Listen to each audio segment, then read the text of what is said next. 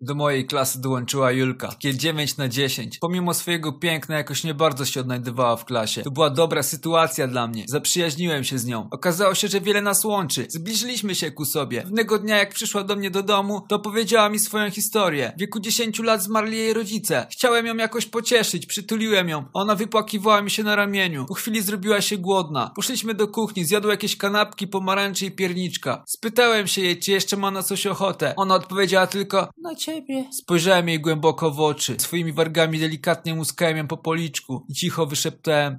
To był mój pierniczek. Po czym udusiłem sukę gołymi rękami. To był mój pierniczek i żadna suka nie miała prawa go tknąć.